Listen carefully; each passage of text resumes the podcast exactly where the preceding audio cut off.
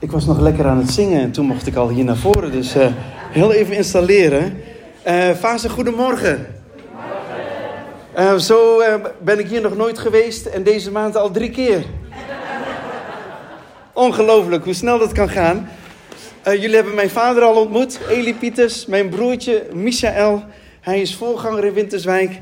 En ik mag eigenlijk gewoon elke zondag ergens naartoe om te spreken. Um, hartstikke fijn is dat, want als de gemeenteleden bij mij komen met hele lastige vragen, dan kan ik ze altijd doorverwijzen naar mijn broertje. Heerlijk is dat. Dus ik ga alleen maar preken, ik uh, leg het woord neer, probeer mensen te bemoedigen en te inspireren, dat de Heilige Geest mag werken en dat je geïnspireerd bent om de maandag en de dinsdag aan te kunnen en dan ga ik er weer vandoor. En dan blijft om Yunus en Romano zo, die blijven hier. Dus als je moeilijke vragen hebt, pas als ik weg ben, oké? Ontzettend goed om hier te mogen zijn. Het is ook een eer om hier te mogen zijn.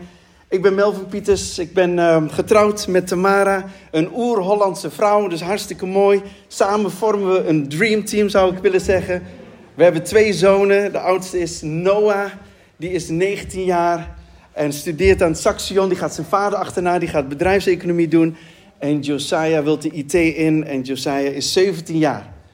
En um, ik ga het woord brengen hier deze morgen. Ik heb Ismaël bij me. Ismaël is een neef van mij. De meesten denken dat hij mijn bodyguard is. um, maar hou dat vast. Dat is altijd een goede gedachte. Onze moeders zijn uh, zussen van elkaar. En hij is een jaar geleden tot bekering gekomen. Vorige week heeft hij zich laten dopen. Prijs God, amen. En uh, samen stappen wij zondags in de auto en dan hebben we die gesprekken één op één. Discipelschap, ministry, uh, hoe doen we dit, hoe doen we dat? Hoe werkt de Heilige Geest? Is salving belangrijk? Dus we proberen dat met elkaar te bespreken. Maar het is geweldig om zo samen en zeker als familie om dat met elkaar te mogen beleven. Maar het is ook een eer om hier te mogen zijn. Dus in eerste instantie de leiders van de gemeente, dank jullie wel voor jullie vertrouwen. En ik zeg altijd, als jullie het idee hebben dat ik hier dingen verkondig die niet in lijn zijn met Gods woord, heb je het recht en zelfs de plicht om mij hier ter plekke van het podium te halen. En dat is het respect naar het huis, dat is respect naar het woord van God. Omdat ik letterlijk van mening ben dat ze dat mogen doen. Want je laat nooit iemand je gezin zomaar ongevraagd binnenkomen om je gezin te beschadigen. Dan zou je vanuit het natuurlijke zou je de deur niet eens open doen. En als hij al binnen is, zou je er alles aan doen om hem eruit te slaan. Letterlijk en figuurlijk. Omdat het niet natuurlijk is om je gezin gewoon zomaar te laten schaden. En dit is het huisgezin van God en daardoor moeten we extra scherp zijn. Amen. Maar als dat vertrouwen er is, dan is het ook goed om juist met elkaar elkaar op te bouwen. En het is juist voor degene, voor degene die denken: mijn geestelijk leven is op dit moment niet echt bruisend. Voor degenen die denken, ik voel me aangeklaagd. Ik heb het idee dat ik niet datgene doe wat God van mij vraagt. Ik heb het idee dat het echt tien keer beter kan. Ik heb gefaald. Ik, heb, ik doe tekort. Ik, ik kom tekort. Ik heb mijn beperkingen. Ik faal op allerlei manieren. Dan ben je vandaag op de juiste plek. Amen. Of hebben jullie daar geen last van hier in Fase? Come on. Dan ben je vandaag op de juiste plek. Want dit moet de plek zijn. Ik gebruik bewust moed. Moet de plek zijn waar je bemoedigd wordt, waar je geïnspireerd wordt, waar je bekrachtigd wordt, waar de mensen in jou geloven. Want als God in jou gelooft, heb ik geen reden om niet in jou te geloven. Iemand moet amen zeggen. Als God in jou gelooft, dan is dat gewoon zo, ongeacht je omstandigheden. En ja, ik weet niet altijd waar je doorheen gaat, maar we leven in dezelfde wereld. Ik leef in hetzelfde vlees en we hebben allemaal die moeilijkheden. Van relationele problemen, financiële problemen, problemen met het werk, problemen met jezelf. Maakt me niet uit. Maar dit moet de plek zijn waar je wordt opgebouwd. Dit moet de plek zijn waarin je weet dat God voor jou is en niet tegen jou is. Dit moet de plek zijn dat jij groter bent, of dat Hij die in je woont groter is dan die in de wereld is. Dat je meer dan overwinnaar bent. Dat we zometeen met Polonaise als het ware naar buiten gaan, omdat wij weten dat God voor ons is. We zijn niet tot bekering gekomen om vervolgens de rest van ons leven zagrijnig te blijven. Want dan had je je ook niet hoeven bekeren, want dan kun je ook zonder God. Amen.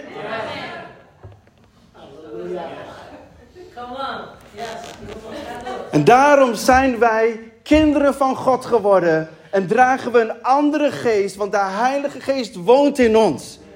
En dat altijd de omstandigheden nog niet zijn zoals je zou willen. Who cares? God is met jou. Wat heb je aan perfecte omstandigheden zonder God? Dan liever minder perfecte omstandigheden met God. Omdat God jouw omstandigheden kan maken wat je niet eens had kunnen dromen. Wie had ooit gedacht dat toen Mozes voor de Schelfzee stond, dat hij open zou splijten? Het enige wat hij dacht, God, als hij nu niks doet, ga ik dood. En sommigen van ons denken, Heer, als u nu niks doet.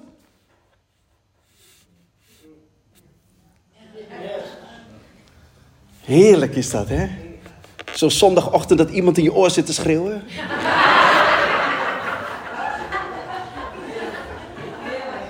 We gaan naar Spreuken hoofdstuk 3. Als je je Bijbel bij je hebt, laten we die openslaan. Spreuken hoofdstuk 3.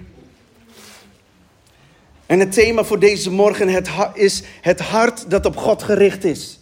Het hart dat op God gericht is. Misschien is je hart niet op God gericht vanwege omstandigheden of wat mensen over jou hebben gezegd. Maar deze morgen wil ik je helpen om je hart opnieuw op God te richten. Want dat gaat jouw leven vandaag nog veranderen. Dat zorgt ervoor dat je anders naar je leven gaat kijken. Dat zorgt ervoor dat je morgen weer zin hebt om naar het werk te gaan of om je uitdagingen aan te gaan. Dat zorgt ervoor dat Goliath echt niet zo groot is dan dat hij zegt dat hij is omdat jij op de Here vertrouwt. In Spreuken hoofdstuk 3, vers 5. En ik spreek vanuit de NBG-vertaling. Of ik lees vanuit de NBG-vertaling. Er staat: Vertrouw op de Here met uw ganse hart en steun op uw eigen inzicht niet. Wauw, die kennen we, hè? we kennen deze heel goed. En er staat: Ken hem in al uw wegen, dan zal hij uw paden recht maken. We gaan even hierop focussen en ik wil jullie helpen om een paar dingen te, te, te, te ontdekken vanuit Gods woord, waarom het zo belangrijk is. Maar wat de Bijbel je zegt is: vertrouw op de Heer met uw ganse hart. Weet je, we zijn allemaal mens en we willen allemaal op God vertrouwen. Maar er zijn ook nog dingen die doen we op eigen kracht. Eerlijk is eerlijk. En dan staat hier: vertrouw op de Heer met uw ganse hart. Wat we moeten ontdekken is dat vertrouwen is een hartszaak. Vertrouwen heeft niks te maken met dat mijn verstand begrijpt dat ik op God moet vertrouwen. Want mijn verstand weet wel dat ik op God moet vertrouwen. Alleen mijn verstand vertrouwt niet op God. Maar de Bijbel zegt ook niet dat in eerste instantie mijn verstand op Hem moet vertrouwen. Er staat, jouw hart moet op mij vertrouwen. Jouw hart gaat veel dieper. Dat is gewoon wie je helemaal bent. Alles wat je hebt, alles wat je lief hebt, al jouw uitdagingen, alles wat daar leeft, je frustratie, je irritatie. En Fasen kent dat niet, frustraties en irritaties. Maar in Winterswijk hebben ze er last van. En alles, en alles wat in jouw hart is, dat mag op Hem vertrouwen. Weet je, ik wil mijn zoon niet alleen maar leren kennen als hij altijd lacht. Ik wil ook zijn frustraties weten. Ik wil met hem praten. Ik wil weten wat hem frustreert. Ik wil weten wat hem irriteert. En dan zeg ik niet, je mag niet gefrustreerd zijn. Ik wil weten waarom je gefrustreerd bent. En als ik als natuurlijke vader dat al wil weten en hem wil helpen daar waar ik hem kan helpen, hoeveel te meer onze hemelse vader. Toen wij tot bekering kwamen, werden wij een kind van God. En we zijn gerechtvaardigd door het bloed. We zijn niet gerechtvaardigd door onze eigen werken. Met andere woorden, toen je tot bekering kwam, werd je geen Superman of Superwoman of Mega Mindy.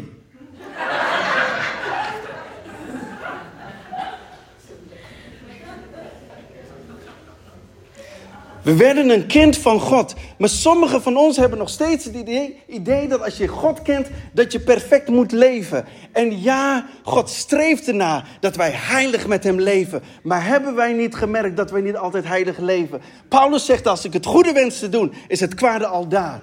Iedereen gaat zometeen hier de deur uit met de beste voornemens die hij ooit heeft gehad. En het is nog geen maandag en we hebben onze voornemens, ja, die laten we alweer varen. Want vanmiddag gebeurt er weer iets en dan denk ik, oh nou ja, laat maar zitten, volgende week maar weer. Maar we zijn perfect in de ogen van God door het bloed van Jezus. En als we gaan proberen om eigen kracht perfect te zijn, raken we alleen maar teleurgesteld en geïrriteerd. En voordat je het weet, willen we niet meer naar de kerk. En voordat je het weet, heeft de Bijbel geen zin meer. En voordat je het weet, wil je zeker niet naar die gemeenteavond. Wij zijn woord en duid, want Romano staat ervoor. Dan denk je, daar heb ik helemaal geen zin in. Want ik voel me geen onderdeel. Ik voel me geen onderdeel van de gemeente, maar het heeft niks met de gemeente te maken. Het heeft te maken met ons leven met God. En daarom wil ik tegen jou zeggen: jij bent niet perfect. Je bent perfect door het bloed van Jezus. En omdat dat zo is, kan jouw hart vertrouwen op God. Maar soms maken we ervan: ik kan pas op God vertrouwen als mijn geloof perfect is. No way. Of mijn zoon het nou goed doet of niet op school, hij blijft een Pieters. Of jij het nou goed doet of niet op school of op het werk, je blijft een kind van God. Is dat duidelijk hier in fase?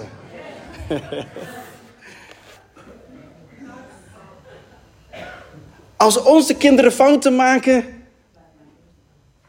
dan zijn ze niet in één keer zo van: ik wil je niet meer kennen en je krijgt ook gelijk een andere achternaam, want ik wil me niet meer met jou identificeren. Wat een onzin!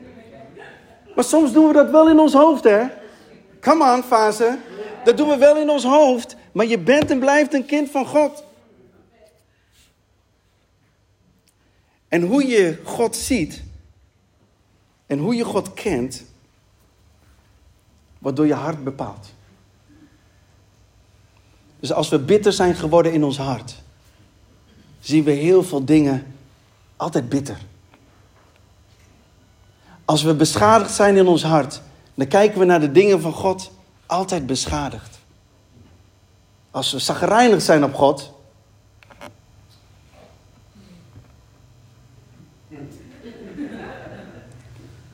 dan is in één keer de muziek is te hard.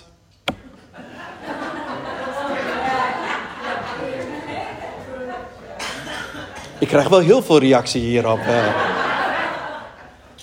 De koffie is te slap of te sterk. Ik was hier al om half tien en de deur was nog dicht. Alles is zagrijnig. Alles is beschadigd. Er kan helemaal niks meer goed. Maar dat heeft helemaal niks te maken met de kerk. Want als de deur dicht is, dan wacht je even. Nee, maar het leven is heel simpel. Wij maken het zo moeilijk. Want toen jij er om half tien was, dat was de allereerste keer in twintig jaar. Dus niemand wist dat jij hier om half tien zou zijn. Als we dat hadden geweten, hadden we je een sleutel gegeven. Nee, maar het leven is zo simpel, we maken het zelf moeilijk.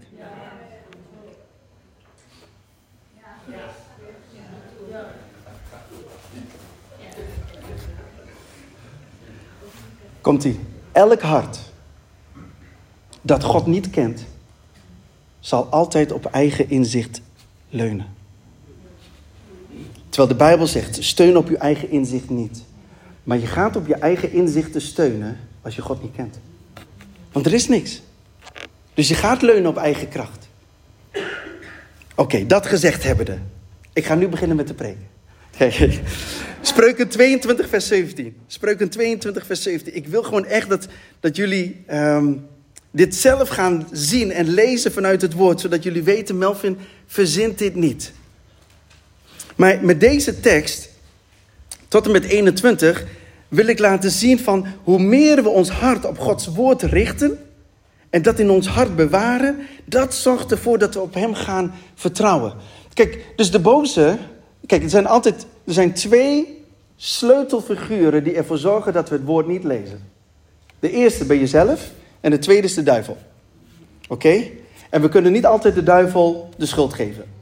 Oké, het is wel fijner om hem altijd de schuld te geven, dat snap ik. Maar we kunnen hem niet altijd de schuld geven, want wie kent dat dat je echt wel tijd hebt en dan zit je voor de televisie en denk je het is goed om gewoon even te lezen. Je hoeft niet gelijk drie uur te lezen. Al was het maar 15 minuten en dan zit je achter de tv, komt je vrouw net koffie brengen en denk je ah, morgen maar. Weet je, is niet tegelijk demonisch hè, zoiets. Het is gewoon ons vlees. We hebben gewoon geen zin, punt. Dat is het meest eerlijke. En waarom doen ze dat? Want als jouw hart niet wordt ingericht door het woord van God, ga je ook niet op God vertrouwen. Want je leert God kennen door het woord.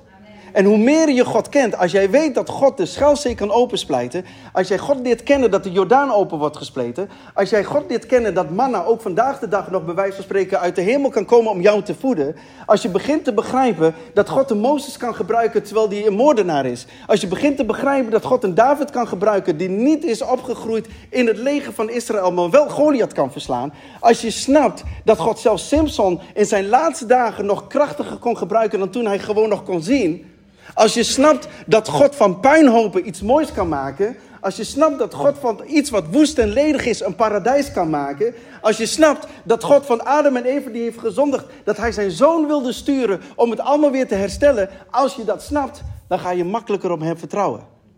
Want dan snap je mijn fouten en mijn falen en mijn zwakheden en mijn tekortkomingen. Oké, het is niet zo dat ik gewoon lekker relaxed ga leven, lekker blijf zondigen, want de genade van God is toch. Dat is niet wat ik predik. Maar de Bijbel zegt, ken hem in al uw wegen, dan zal hij uw paarden recht maken. Met andere woorden, waarschijnlijk wandel je soms op paarden die krom zijn.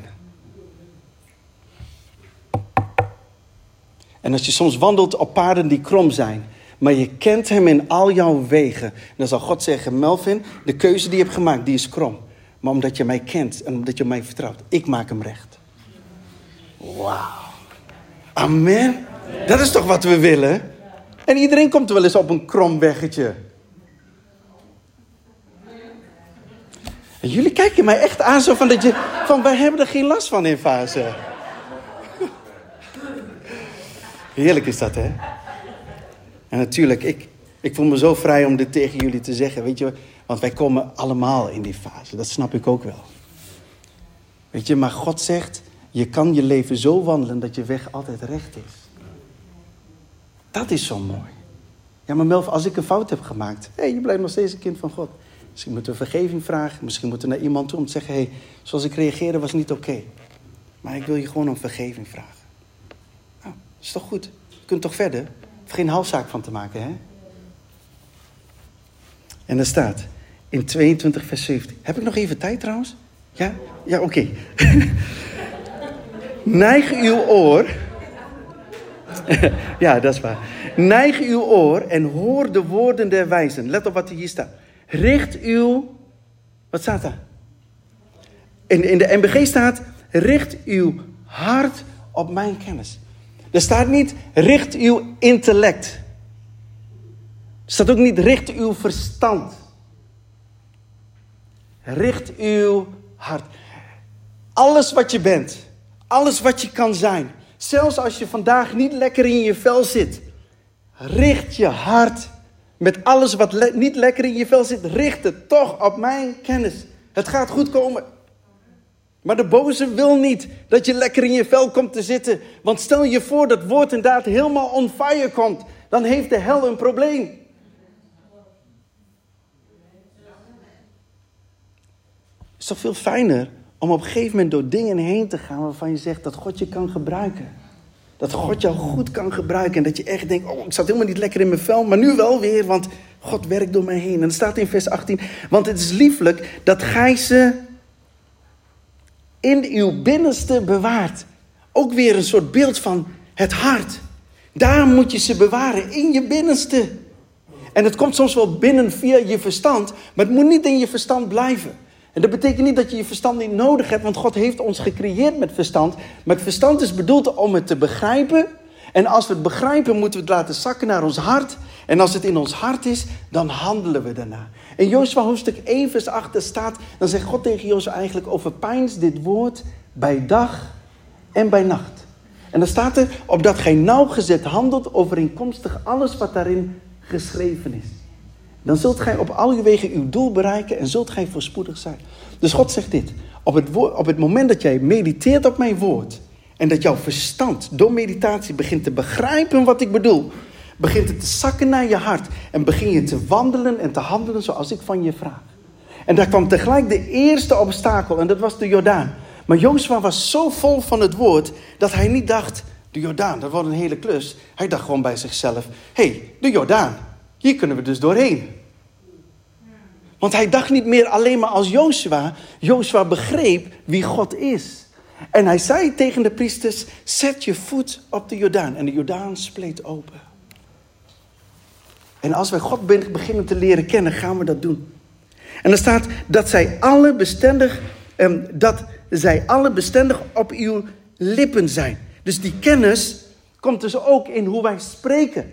Het komt, blijft dus niet alleen in ons hart, maar ze is ook op onze lippen. Wij beginnen met kennis te spreken. We beginnen met leven te spreken. We spreken wijsheid op het werk dat voortkomt vanuit Gods woord. Dat is in ons hart. Want ons hart is gefocust op wie Hij is. En op een gegeven moment zegt bijvoorbeeld je manager of je collega: Zo, dat was echt een hele wijze uitspraak wat je deed tijdens de vergadering.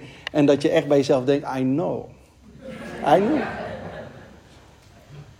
En heb je helemaal geen managementboek gelezen? Heb je helemaal niet van hoe leid ik een vergadering? Helemaal niet. Maar, maar God is in jou.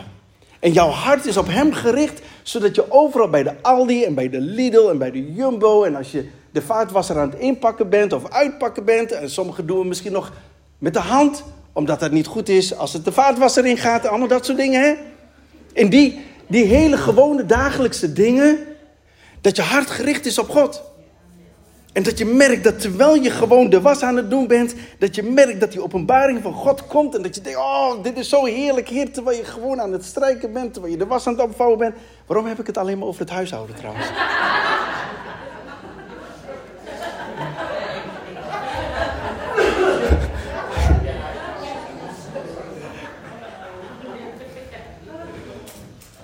Dit is het punt dat ik wil maken.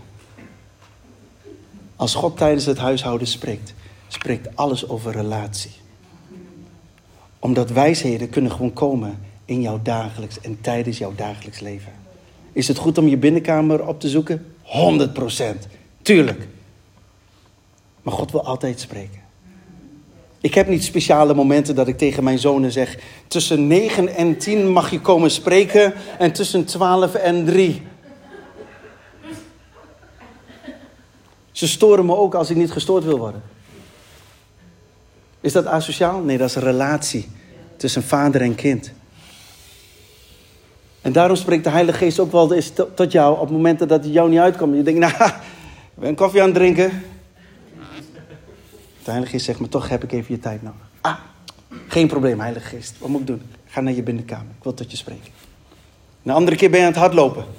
En tijdens het hardlopen, terwijl het zweet gewoon... Poeh, het gutst naar beneden. Maar dat je denkt, oh, dat is het, hè. Het is toch heerlijk om zo met God te leven.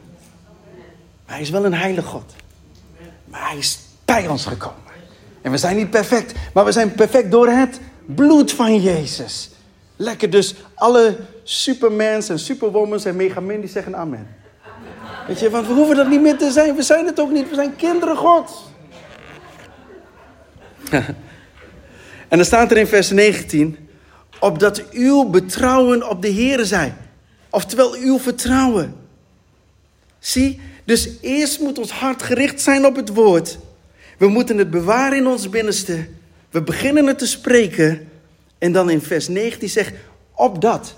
Weet je, op dat is een best wel moeilijk woord, maar het betekent eigenlijk met het doel dat je op God gaat vertrouwen. Dus het is niet zomaar dat we hier de deur uitlopen en zeggen: Oké, ik heb besloten om God te vertrouwen. En dan merk je toch, ah, dat is niet, is niet echt massief. Je, je gelooft zelf niet wat je zegt. Ik ga op God vertrouwen en dat heeft geen body. Maar zodra je zegt: Melf, mijn hart, ik laat het focussen op God. En dan ga je merken dat het geloof in God begint te groeien. En begint te groeien. En degenen die, daar, die dat niet doen, laten we even gewoon de wereld zeggen. De mensen om je heen die zien jou dingen doen, waardoor ze je voor gek verklaren. Zeggen, maar dat kan toch niet? Ik vertrouw op de Heer. De Heer, waar is de Heer? Die kun je niet eens zien. Waar geloof je in? Maar lieve mensen, het woord zijn geen zwarte letters op wit papier. Het woord is een persoon. En zijn naam is Jezus. Als je op het woord vertrouwt, vertrouw je op een persoon. En deze persoon, bij hem is echt alles mogelijk. Maar we moeten hem wel leren kennen. Kijk, ik voel me vandaag al wat vrijer dan de eerste keer dat ik hier kwam. Alhoewel, de eerste keer was ook al best wel vrij. Toch? Maar dit is de derde keer. Maar Jullie beginnen mij te leren kennen en ik begin jullie een beetje te kennen, in ieder geval qua gezicht. Ja, en als je mij leert kennen, dan kan dat positief of negatief zijn. Daar ben ik me van bewust. Maar het leren kennen zit hem in vaker omgang hebben met elkaar. Dus God leren kennen, het, het is niet zo moeilijk hè. Dus God leren kennen zit in die omgang. En degene die zegt, ja, die omgang, kan, daar kan ik echt wel wat aan doen. Laten we vandaag weer een nieuwe start maken. Ja, maar ik heb hem al zes weken niet gezien. Hij geeft toch niet? Dan gaat het niet meer om de afgelopen zes weken. Het gaat om het besluit dat je vandaag neemt. Daar gaat het om. Weet je, en we hoeven elkaar echt niet te veroordelen. Want ten eerste, als iemand zondigt of als iemand gewoon krom gaat, om maar even zo te zeggen. Ten eerste, hij of zij heeft zichzelf al veroordeeld. Daarnaast zegt de Bijbel dat de duivel is een aanklager. Dus de, de duivel heeft ook al meegedaan. Dus dan zijn er al twee aanklagers. Nou, is toch niet fijn als je naar de kerk komt dat er nog een derde aanklager bij komt? Is toch niet fijn? En de Bijbel zegt dit. De Heilige Geest overtuigt van zonde, gerechtigheid en oordeel. De Heilige Geest veroordeelt niet, hè? Er staat overtuigd. De duivel veroordeelt. Die klaagt aan. Wat is het verschil? Het verschil is dit. De duivel zegt, jij hebt dat niet goed, niet goed gedaan, je hebt dat niet goed gedaan. Daardoor ben jij een nietsnut en daardoor wil God niet meer van jou houden. En daardoor kun jij dit niet doen. En die ministry kun je ook wel vergeten, want je bent afgeschreven. Dat is aanklagen. Omdat jij dat hebt gedaan. Wat is overtuigen dan? Overtuigen komt vanuit de liefde van God. En dan zou zeggen, Melf, ik heb jou nodig binnen mijn koninkrijk. Ik hou van je. Maar Heer, hoe kunt u nou van mij houden terwijl ik zo, zo fout ben gegaan? Ja, ik weet dat je fout bent gegaan. Maar zou je mij nog willen volgen? Ja. Maar dan wil ik wel eerst dat u mij reinigt met het bloed van Jezus. Ben je overtuigd geraakt van je eigen fouten? Ja, Heilige Geest, ik ben overtuigd geraakt van mijn eigen. Dus ik wil ook uit eigen beweging wil ik opnieuw vragen. Heer Jezus, reinig mij met uw bloed. Wil je me blijven dienen? Ja, tuurlijk. Als u zo liefdevol met mij omgaat. Maar waarom veroordeelt u mij niet dan? Omdat het oordeel al geslagen is aan het kruis. Het is klaar. Het is volbracht. Kan iemand amen zeggen? Daardoor is de overtuiging van de Heilige Geest is heel liefdevol. Ze is altijd opbouwend. En dat heb ik hier al een paar keer gezegd. Ja, niet vandaag, maar in, die twee keer dat ik hier ben geweest. De Heilige Geest wil altijd opbouwen. God wil zijn lichaam altijd opbouwen. Daarom ben je hier om opgebouwd te worden. Laten we heel even naar Spreuken 28, vers 25 gaan.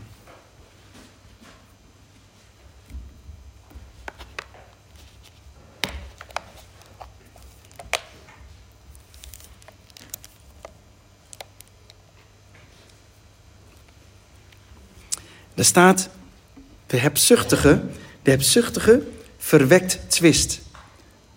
Maar wie op de Heere vertrouwt, wordt overvloedig verkwikt. Ik weet niet hoe dat bij jullie zit, maar toen ik dit las, toen snapte ik die tegenstelling niet zo goed. De hebzuchtige verwekt twist, maar wie op de Heere vertrouwt, wordt overvloedig verkwikt. Hier wordt echt gesproken over een hebzuchtige. Weet je, als, blijkbaar als we hebzuchtig zijn, dit is wat de Bijbel zegt, hè? dit is niet wat ik zeg.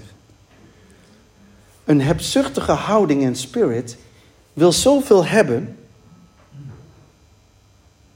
Dat hij ook dingen wilt hebben die misschien helemaal niet van hem of haar zijn. En als het nodig is, gaan we met elkaar twisten. Dat is wat de Bijbel zegt. De hebzuchtige verwekt twist. Dit is ook wat de Bijbel zegt. Aan de vruchten herken je de boom. Dus als ik alleen maar twist zie op mijn afdeling, en altijd twist. Altijd twist A, twist B, twist onderwerp C. Hé, hey, hebben we hier met een hebzuchtige te maken? Die alles naar zich toe wil trekken? Ja, altijd ik naar voren. Het is heel egocentrisch gericht. Dat is wat ik bedoel te zeggen. En die verwekken twist. Nogmaals, dit is wat de Bijbel zegt. En dan staat er dit. Dus de andere kant. Maar wie op de Here vertrouwt, wordt overvloedig verkwikt. Met andere woorden, dat als ik te maken heb met een hebzuchtige die alleen maar twist veroorzaakt, dan kan ik zeggen: luister, ik heb geen zin meer om met jou te twisten. Weet je, neem maar wat je wil hebben, Be my guest. Als jij denkt dat het allemaal voor jou is, prima. Ik vertrouw op de Heer. Want als ik dat doe, dan zegt de Bijbel: ik word toch wel overvloedig verkwikt. En dat ga ik niet doen door heel hard tegen jou te vechten of te strijden. En voor degenen die carrière aan het maken zijn, dat hoeft niet met ellebogen. Hoeft niet met ellebogen. Maar aan mij wordt wel eens gevraagd: Melvin, ben jij pro-carrière maken? Ik zeg: Tuurlijk, man. Ja, maar moeten we niet op God gericht zijn? Maar als God je heeft geroepen om die carrière te maken, maak carrière. Waarom dan? Omdat er heel veel mensen zijn die je dan gaat ontmoeten, die ook allemaal carrière aan het maken zijn, die hebben ook Jezus nodig. Dus als jij vol van God carrière aan het maken bent, kan jij in ieder geval aan hun vertellen dat Jezus leeft. Hoe moeten ze het anders weten? Oh, zo hè? Ja. En de ellebogen? Ellebogen zou ik gewoon hier houden, maar niet uh, zo. Waarom niet dan? Laat de hebzuchtige maar twisten. Jij vertrouwt op God en de Bijbel zegt dat je overvloedig wordt verkwikt. Doe gewoon relaxed. Al de promoties die ik op het werk heb gemaakt, is allemaal omdat de directie vond dat ik promotie moest maken. Ik vond zelf van niet. Dat is de mooiste promotie wat je kunt krijgen. Dat ze zeggen, Melvin, kun je heel even komen? Ja, we willen deze afdeling aan je geven, we willen dat doen, we willen zuster zo. Wat denk je ervan? Ja, top. niet om gevraagd. Wil God dat doen? Leer Hem kennen, dan ga je ontdekken dat Hij dat wil doen. Wij moeten als kerk weer naar de marktplaats. Dus daar waar je vrijwilligerswerk doet, ook gewoon thuis en ook gewoon met die vervelende buurman, gewoon blijven lachen, lief kijken, af en toe meehelpen met de tuin. Maar wees relaxed, overal waar je bent, ook langs de lijn. Ik zal je vertellen, ik werd echt even getest voor, uh, gisteren. Ik moest vlaggen Waarom wordt er gelachen eigenlijk? ik moest vlaggen, ik was grensrechter. Want degene die dat altijd deed, die kon niet. En dan gaat dat in zo'n app, wie wil dan invallen? Nou weet je, alle vaders zeggen dan ook niks hè. Dus Tamara die appte mij, zegt Melf, ze zoeken nog een vlaggen. Ik zeg, oh nee. Dus ik geen vlaggen. Dus, nou ja, je moet natuurlijk met de jongens een beetje mee rennen, want je moet wel op één lijn blijven, dat je het een beetje kan zien voor degenen die het weten. En echt 100%. Uiteindelijk hadden we een spelsituatie en die jongens stonden echt buiten spel, dus de vlag gaat omhoog. Dus ik stond daar met die vlag. En die scheids, die zegt, eh, was geen buitenspel, is gewoon een doelpunt. Ik dacht, ik loop hier niet langs de lijn, te rennen en die vlag omhoog te doen. En dat jij mijn vlag ziet en toch een ander besluit neemt. En dan kun je een paar dingen doen. Maar ja, er zitten ook mensen op de tribune. Ik moest zondag hier bij Woord en Daad moet preken. Dus ja, om nou tegelijk het veld op te lopen en uh, mijn bodyguard op te halen, is ook alweer zoiets, hè.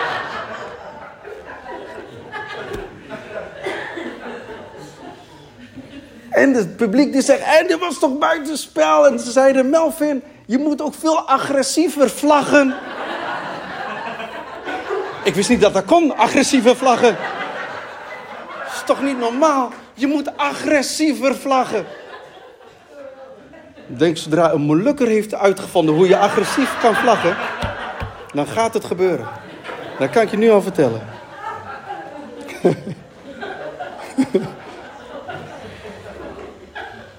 Dus ik stond daar met die vlag en we kregen een tegendoelpunt. En de, onze jongens, die zijn in de race voor het kampioenschap. Oh, mijn broertje zat, uh, Michel, de voorganger. die zat op de tribune. Dus ik denk, jongens, inhouden. Want dit gaat inhouden gewoon. Dus dat ging goed. Dat inhouden ging goed, zeg maar. Toen, waren we, eh, toen was het rust.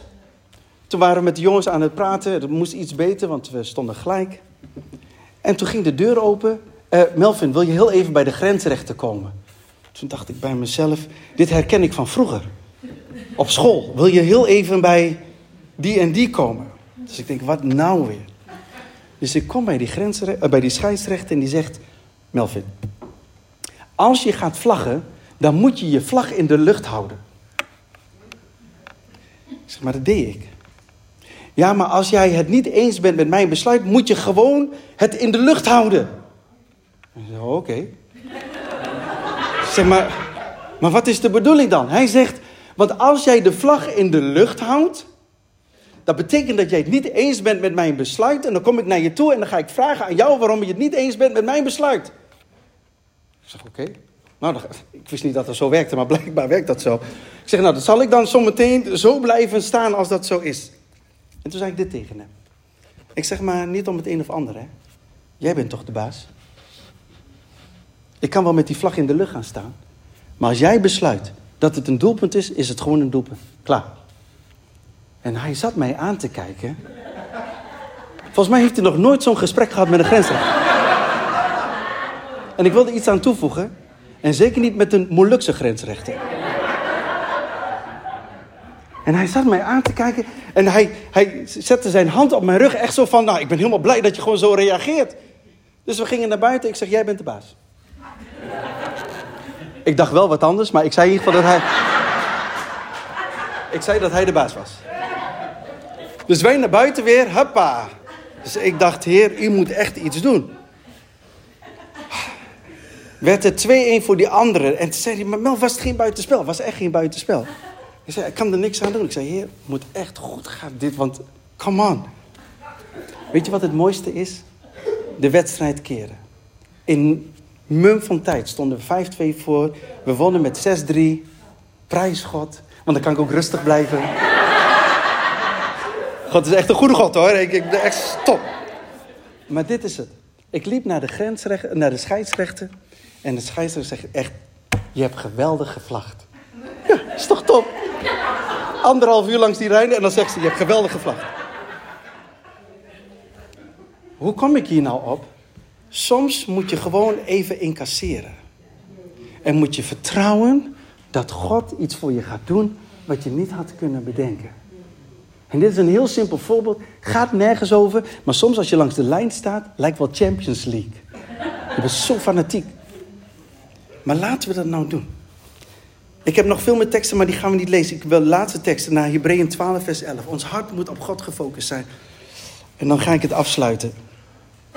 Hebreeën 12, vers 11. Dus als jullie weer hier bij elkaar komen en je merkt dat je benadeeld wordt in het natuurlijke, steek die vlag in de lucht. Hè? Steek die vlag in de lucht. Wat bedoel je met vlag dan? Nou, de Bijbel spreekt over de banier van God.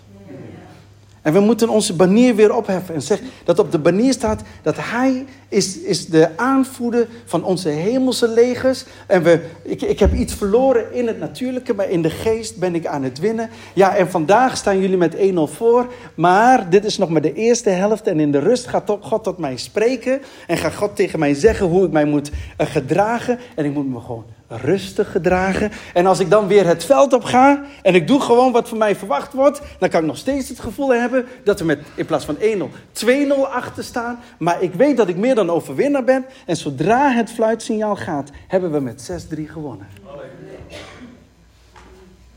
Maar moet je wel durven. En dat durven, dat noemen we geloof. Dat noemen we vertrouwen. In Hebreeën 12, vers 11. En dan stop ik er echt mee hoor. Daar staat, want alle tucht schijnt op het ogenblik zelf geen vreugde. Ah, dat hebben we wel eens meegemaakt. Hè? Als je een keer wordt vermaand of dat iets tegen je wordt gezegd. Nou, dat is niet echt gelijk vreugde. Nou, de Bijbel zegt dat ook. Maar het lijkt eerder smart te brengen. Doch later. Het woordje later is belangrijk hè. Doch later brengt zij hun die erdoor geoefend zijn. Een vreedzame vrucht die bestaat in gerechtigheid. Wauw. Dus op het moment dat er iets komt tot jou dat zegt van... Goh, ik heb de vlag wel in de lucht gedaan. En de scheidsrechter zegt tegen mij dat ik het niet goed heb gezien met die vlag. Vind ik niet fijn. Maar ik word er wel door geoefend. En later win je met 6-3. Oké? Later win je met 6-3. Op dat moment 1-0 achter. Maar je wint met 6-3. Kan, kan iemand amen zeggen? Ik denk, oh, nou, zien. Nou, eens kijken of het 6-3 wordt. Grapje, grapje. Vers, vers 12. Hef dan, wat staat er? Hef dan de slappe handen op. En strek de knikkende knieën. Nou, hier kan ik mij mee identificeren. Want dat heb ik wel eens van die slappe handen en die knikkende knieën. En dan vers 13. En daar gaat het mij om. En maakte een recht spoor met uw voeten. Opdat het geen kreupel is, niet uit het, gelicht, uit het lid geraken, doch veel eer genezen. Als, het als je dit gaat lezen in Hebreeën hoofdstuk 12, lang verhaal kort, gaat het er eigenlijk over dat, dat de mensen dreigden om het geloof van God, het evangelie van God, om dat los te laten. Dat ze van de originele leer van Christus wilden afwijken. Nou, als je gaat afwijken van de originele leer, dan raak je kreupel. Want God kan jouw paden niet meer recht maken. Want er zitten allemaal rotsblokken op en dorens en distels. En dan struiken weer en dan val je weer. En dan beschadig je weer en doe je jezelf weer pijn. Maar hier zegt de Bijbel wat anders. Maak een recht spoor met uw voeten. Met het doel dat het geen kreupel is, niet uit het lid geraken, doch veel eer genezen. Dit is het laatste wat ik erover wil zeggen. Als er iets is waarvan jij zegt, als ik het woord van God lees, dat doet pijn, dan weet je dat is kreupel. Je weet dat het recht is, maar het doet wel pijn. Kennen jullie dat? Je leest het, het is echt recht, het is de waarheid, maar je merkt dat er weerstand komt in je hart. Wij willen dan het liefst dat ontwijken. Bepaalde Bijbelstukken lezen wij bewust niet.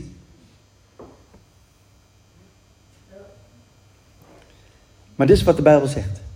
Ook al heb je pijn en je doet toch wat de Bijbel zegt, het doel is dat je genezing ontvangt. Dus dat betekent, soms moeten we ons gewoon bekeren en moeten gewoon zeggen: Sorry, ik was zagrijnig. En daar ga ik me echt van bekeren. Sorry, ik was gewoon geïrriteerd. Sorry, was gewoon mijn vlees. Sorry. En dan zeg je, ik moet wel heel vaak sorry zeggen. Dan zou ik zeggen, join the club. Er zijn heel veel mensen die moeten heel vaak sorry zeggen. Is dat erg? Nee, ik vind het juist heel krachtig. Dat je dat durft, dat je dat kan. Juist als je geen sorry kunt zeggen. Dan heb je juist hulp nodig.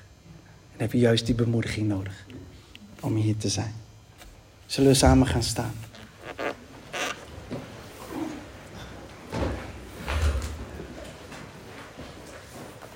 Misschien ben ik al lang over mijn tijd heen, maar ik geloof dat jullie zijn opgebouwd. En dat je voor jezelf gewoon iets, iets kan doen. Ik wil onze pianist vragen naar voren om mij te helpen en te ondersteunen. Maar waar het op neerkomt is, laat opnieuw je hart gericht zijn op God. Zit je nou op de toppen van de berg of in jouw diepste dal? Laat jouw hart gericht zijn op God. Je hebt geen complete theologische kennis nodig om dit allemaal te kunnen. Open de Bijbel, begin te lezen. Zeg Heilige Geest, ik snap er helemaal geen hout van. Maar ik weet dat u mij gaat helpen, dat u openbaring gaat geven. Dat goed is voor mij, voor mijn vrouw, voor mijn kinderen, voor mijn familie. Voor de gemeente, voor het werk, voor onze relaties, financiën. Maakt niet uit. God is voor jou. We hebben niet meer aanklagers nodig. We hebben er genoeg. We hebben niet meer mensen nodig die zeggen wat je niet kan. Soms zeg je dat als tegen jezelf. Laten we daar gewoon mee stoppen. En laten we begrijpen dat God voor ons is. En dat die liefde echt voor ons is. We zijn kinderen Gods geworden. Kinderen Gods. En als je naar links of naar rechts kijkt, of je denkt aan een broeder of zuster en misschien is dat niet al te positief dat je zegt: Heer, oké, okay, stik hand in eigen boezem. Verander mij dan. Verander mij. Laat mij tegen de scheidsrechter zeggen dat hij de baas is. Want daardoor wordt hij bemoedigd. Want ik weet als ik tegen de scheidsrechter zeg, oftewel tegen mijn broeder of zuster, dat hij de baas is. Dit is symbolisch, hè, trouwens. dat hij de baas is, dan gaan wij samen als gemeente winnen met 6-3. Dus ik vind het niet erg om even 1-0 en 2-0 achter te staan. En dat ik me moet inhouden. Maar als gemeente gaan we winnen met 6-3. Want de poorten van de dodenrijk kunnen de gemeente niet overweldigen. Want onze God is met ons. Wat ik wil doen is het volgende. Ik ga een algemeen gebed bidden. En na de dienst, als de dienst is afgesloten, dan hoop ik dat, dat de muziek even kan doorgaan. Als er mensen zijn die zeggen: Melvin, wil je voor mij bidden? Met alle liefde wil ik voor je bidden. Maakt niet uit in welke situatie je zit. Ik geloof dat de Heilige Geest wil spreken, profetisch wil gaan spreken, wil gaan inspreken. Misschien denk je, maar ik ben dinsdag ook al geweest, dan kom je vandaag ook. Je komt toch ook wel eens vaker in de Jumbo in één week?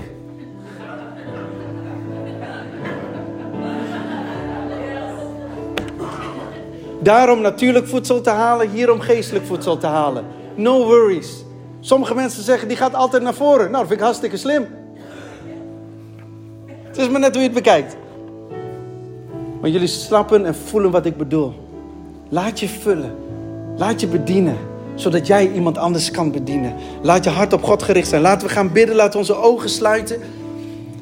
En laten we ons hart op God richten. En zeggen, Heer, wat bent u toch een geweldige God.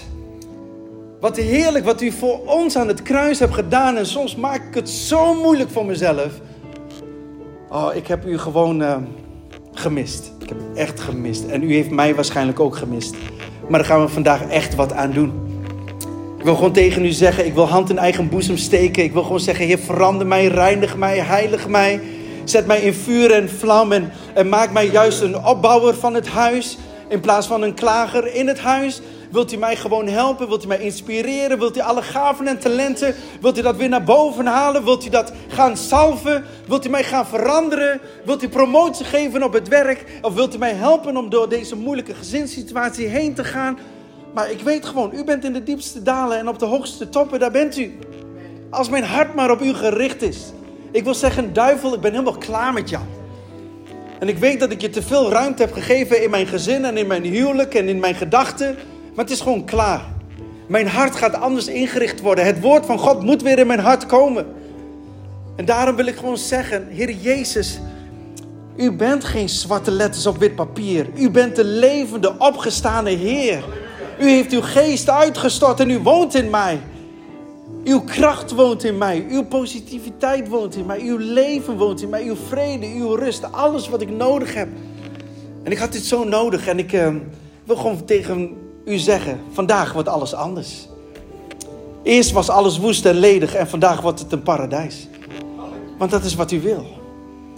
En ik ben blij dat ik mijn eh, Superman pak en mijn Mega Mindy pak en zo allemaal uit kan doen. Ik ben er helemaal klaar mee. Ik had er ook al helemaal geen zin meer in. Maar ik ga me opnieuw bekleden met Christus. Ik ga me opnieuw bekleden met Hem alleen. Ik ga opnieuw beseffen dat ik een kind van God ben. Heilige Geest, u kent de harten. En daar waar we vergeving vragen, wilt u komen met het bloed van Jezus? Wilt u ons opnieuw witte wassen dan sneeuw? Witter dan karmozijn? Ik dank u voor woord en daad. Dank u voor de gelegenheid dat ik hier maar liefst drie keer in één maand mocht zijn. Maar ik weet dat u fasen op het oog heeft. Dat er vuur komt, ook bij degenen die u nog niet kennen, maar getrokken worden door u. Maar Heer, maak ons klaar om de oogst op te kunnen vangen. Maak ons klaar om deze voorraadschuur klaar te maken. Dat alles in perfectie is, zodat de zielen die tot bekering komen, dat ze gezond worden gehouden totdat u terugkomt. En ik weet dat u hier een hele gemeente vol heeft. Ik spreek genezing uit over relaties. Ik spreek genezing uit over twistmomenten. Ik spreek genezing uit over miscommunicatie. Ik spreek genezing uit over misinterpretatie. Ik spreek herstel uit over jaloezie. Ik spreek herstel uit over competitie. Maar ik spreek uit dat woord en daad één groot leger van God begint te worden dat begint te snappen dat wij altijd gaan winnen met 6-3. Dat we altijd gaan winnen met 6-3. Als omdat God, omdat u de scheidsrechter bent. U zult ons recht doen. U zult ons recht doen. En ik spreek leven uit over de gemeente woord en daad.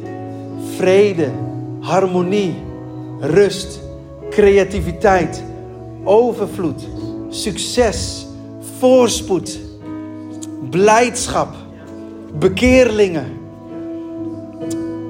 oplossingen. Dank u wel. En zo, Heilige Geest, zo wil ik het woord aan u teruggeven, zodat u de naprediker zult zijn. En ik wil gewoon zeggen, Heer, wilt u de profetische atmosfeer en uw zegen, wilt u die vrijzetten? Dat als mensen naar voren komen, dat we ze mogen bedienen met gebed. En als u wil spreken, dat we dat woord uitspreken. Want uw woord zegt, zonder openbaring verwildert het volk, maar niet hier in fase. Want wij zullen uw openbaring ontvangen. Tot eer en glorie van uw naam. En vader, help ons dat we ons volledig op u richten. In Jezus' naam. En in ieder zegt, Amen.